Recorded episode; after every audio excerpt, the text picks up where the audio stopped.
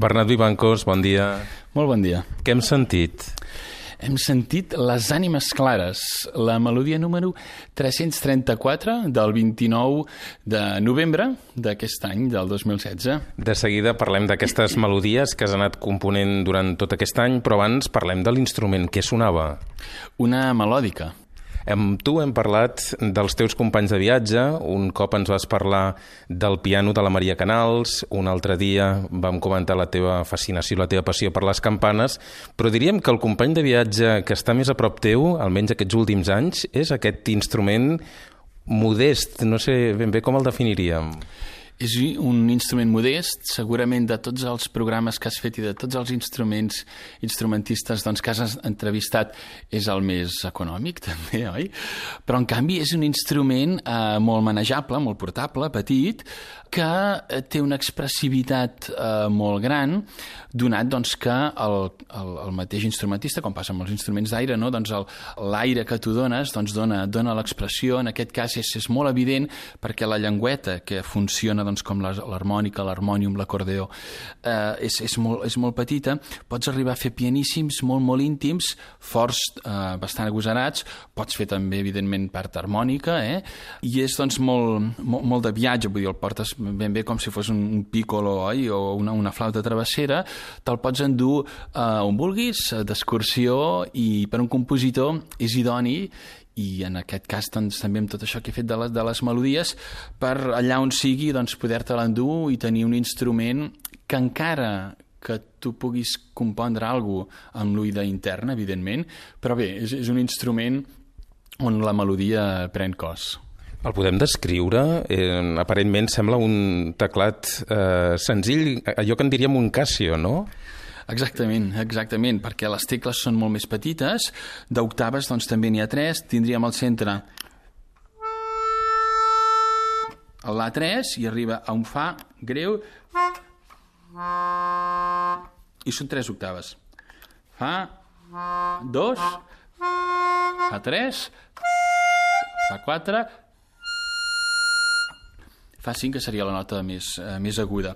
Amb tecles petites, pràcticament amb la mà puc fer perfectament, arribaria a dues octaves, doncs que també doncs, la mà, eh, pels que estem acostumats a tocar el piano, l'hem de posar una mica més, eh, més petita. Per això que és molt, molt íntim i molt moldejable. Un instrument de tecla i de vent alhora, és un, un doble instrument, no?, en certa manera, perquè l'aire accioni el mecanisme i faci sonar aquestes tecles, l'aire l'has de posar tu no tens manxaire. Exactament, no tinc, no tinc manxaire. Uh, passaria una mica com uh, l'acordeó, que, que és un instrument doncs, que l'aire es dona amb la pressió dels braços, que també hi ha un teclat, uh, o evidentment també com els instruments de vent tenim també un petit eh, tub eh, que, que, doncs, que es, es, es connecta diguem, en un lateral de, de l'instrument. Llavors jo bufant pel, pel tub fa que el, el teclat doncs, el pugui tenir a la vora o més lluny i, i és més còmode potser que la boquilla, que també n'hi ha una, que llavors es toca més diguem, com si fos un clarinet, per entendre'ns. Com t'arriba la melòdica? És un instrument, sembla, molt de, de nanos, no? de, de nens petits, però tu t'arriba d'adult, de gran. M'arriba d'adult i no recordo exactament quan va arribar a casa. Segurament hauria ser perquè el meu tiet, el Josep Maria Ferràs, a, a Terrassa, doncs, que té una botiga de música, segurament ho deuria veure per allà i m'ho de, deuria endur, alguna cosa d'aquestes, però no recordo especialment haver demanat als Reis una melòdica. Volies fer encara algun exemple amb l'instrument perquè la gent es faci la idea de la possibilitat que ofereix la melòdica. Exactament, vindria a ser com un clarinet, podem començar de sons molt, molt pianos,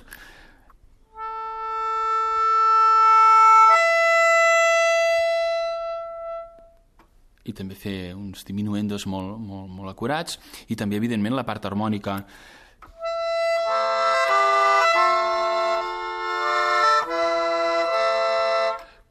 Clústers també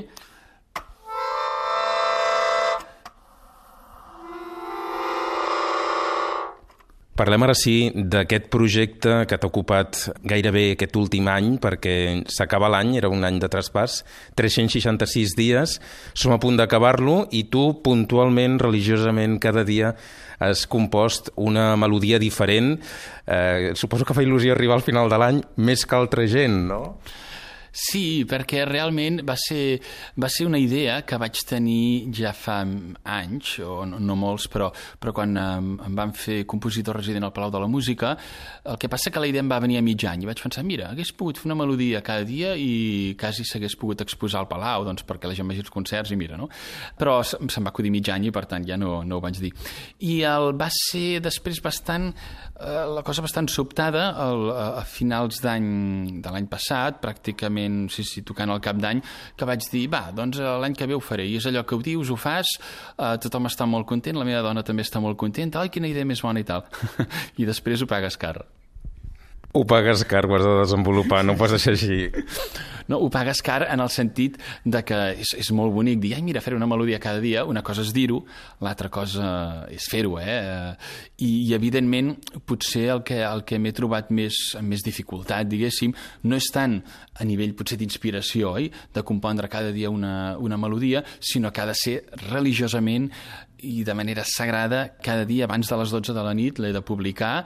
Eh, també l'envio amb un petit grup de whats doncs, d'alumnes de, de composició i família, etc bastant divertit, però cada dia, cada dia. I la veritat és que de moment doncs això ja, ja som pràcticament a, a les portes d'acabar l'any i no he fallat cap dia amb tot això, el que això vol dir. Vull dir que tots sabem doncs, que hi ha dies de tot. Hi ha dies que un estarà malalt, hi ha dies que un estarà de vacances hi ha dies que un tindrà un dinar i un sopar i dies que has d'estar per altres coses que no siguin les melodies, oi? Però vaja, ha costat, però, però ho, he, ho he aconseguit. Aquestes melodies es poden consultar a través de Twitter amb l'arroba Bernat Vivancos. M'explicaves que eren melodies no pensades per algun instrument en concret. En aquest sentit, quina resposta has tingut? Han escrit violinistes o clarinetistes parlant d'alguna melodia en concret que, que els hi ha encaixat el seu instrument? Recordo un trombonista que em va dir home, a veure quan fas una obra, una melodia per trombó. I la veritat és que es poden tocar algunes d'elles també amb, amb trombó o amb qualsevol instrument, no tots. La idea i d'aquí també m'he ajudat molt de la melòdica, és que jo componc una melodia sense pensar en cap instrument en, en concret, sempre per entendre'ns amb clau de sol, eh, no amb instruments transpositors, etc, i eh, que es pugui tocar potser amb dos, tres instruments diferents cada melodia, i això anirà, anirà variant sí que a vegades m'escriu gent i em diu aquesta segur que l'has pensat doncs, per clarinet, no? com va ser el cas una vegada i jo responc, sempre responc als, als, als twitters, oi? I, i sí que hi ha aquesta, aquesta connexió interessant amb, amb tuitaires, eh? seguidors fidels, que això és molt bonic. Hi ha gent que els uh, fa likes i retweets uh, cada dia, encara que la melodia sigui un xurro per entendre'ns, cada dia gent molt fidel, o gent que, eh, doncs, que ja els comences a conèixer els gustos. Eh, concretament penso en, en un compositor que la que faig una melodia determinada ja penso, aquest em posarà un like, i evidentment, patapam. I després què? És a dir, s'acaba l'any, eh, començaràs una sèrie nova o ho deixes córrer? No començaré cap sèrie nova, pel que et deia doncs, d'aquesta dificultat d'exigència de, diària. No? Per tant, no, acabarà l'any, tinc la idea amb calma d'anar-ho editant informàticament, és a dir, eh, programa informàtic d'edició musical, perquè evidentment el, el que faig ara és, és a mà per qüestió pràctica, i després a la llarga sí que m'agradaria, però això ja és bastant temps i segurament més costós, enregistrar-les, i doncs anar-les posant a, a la meva web de manera doncs, que, que de, de tenir cada dia una, una melodia. La veritat també és que ingenuament a principis d'any pensava, mira que bonic, així com, com hi ha el calendari del pagès, doncs hi haurà el calendari del compositor, no? I va, editaré un, un llibre amb un disc amb les melodies, però clar, després me n'he donat, ara que ja en tinc 300 i pico, que el llibre aquest seria monstruosament gruixut i car, i que el disc en qüestió es tractaria pràcticament de 15 CDs perquè són unes 15-16 hores de música.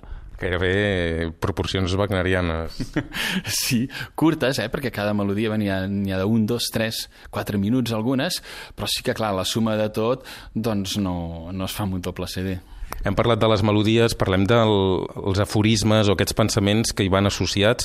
Música i pensament, eh, primer fas la música i després hi associes la idea o és al revés? Depèn. A vegades primer trobo un aforisme, una frase feta d'algú cèlebre o no, o, o algun tros de poema, alguns versos, un refrany d'aquí o d'algun altre país, i això m'inspira la melodia, o a vegades primer faig la melodia i el que més em costa és trobar precisament l'aforisme tecnicisme, oi? Perquè la melodia la tinc molt clara i després a vegades em passo més temps buscant el proverbi o la frase feta que no però, la, la pròpia melodia, perquè sí que vull que tingui, evidentment, una connexió eh, gran.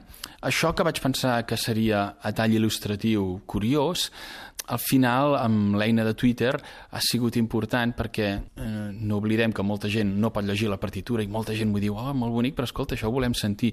Però, en canvi, sí que poden veure el títol i llegir la frase i poden tenir una mica una idea. No? Llavors, això ha fet que sigui més eh, per tots els públics i fins i tot a vegades eh, els retuits i els likes de, de les melodies jo crec que van més en, encaminades amb un títol o amb una frase perquè parlo de segons quin tema, cosa molt curiosa per cert, i, i potser no tant eh, amb la melodia. Per exemple, doncs, algun cop que he fet alguna petita incisió sobre una cosa potser més de país, doncs de seguida tinc molts likes i molts retuits. En canvi, i curiosament, quan les melodies o el títol porten alguna paraula més relacionada amb la fe i amb Déu, la gent té molta més cura de retuitar-ho, no? Coses d'aquestes són curioses. En tot cas, és una feina de molts mesos que arriba al final. Bernat Vivancos, moltíssimes gràcies per compartir-la amb nosaltres i moltes felicitats. Gràcies a vosaltres.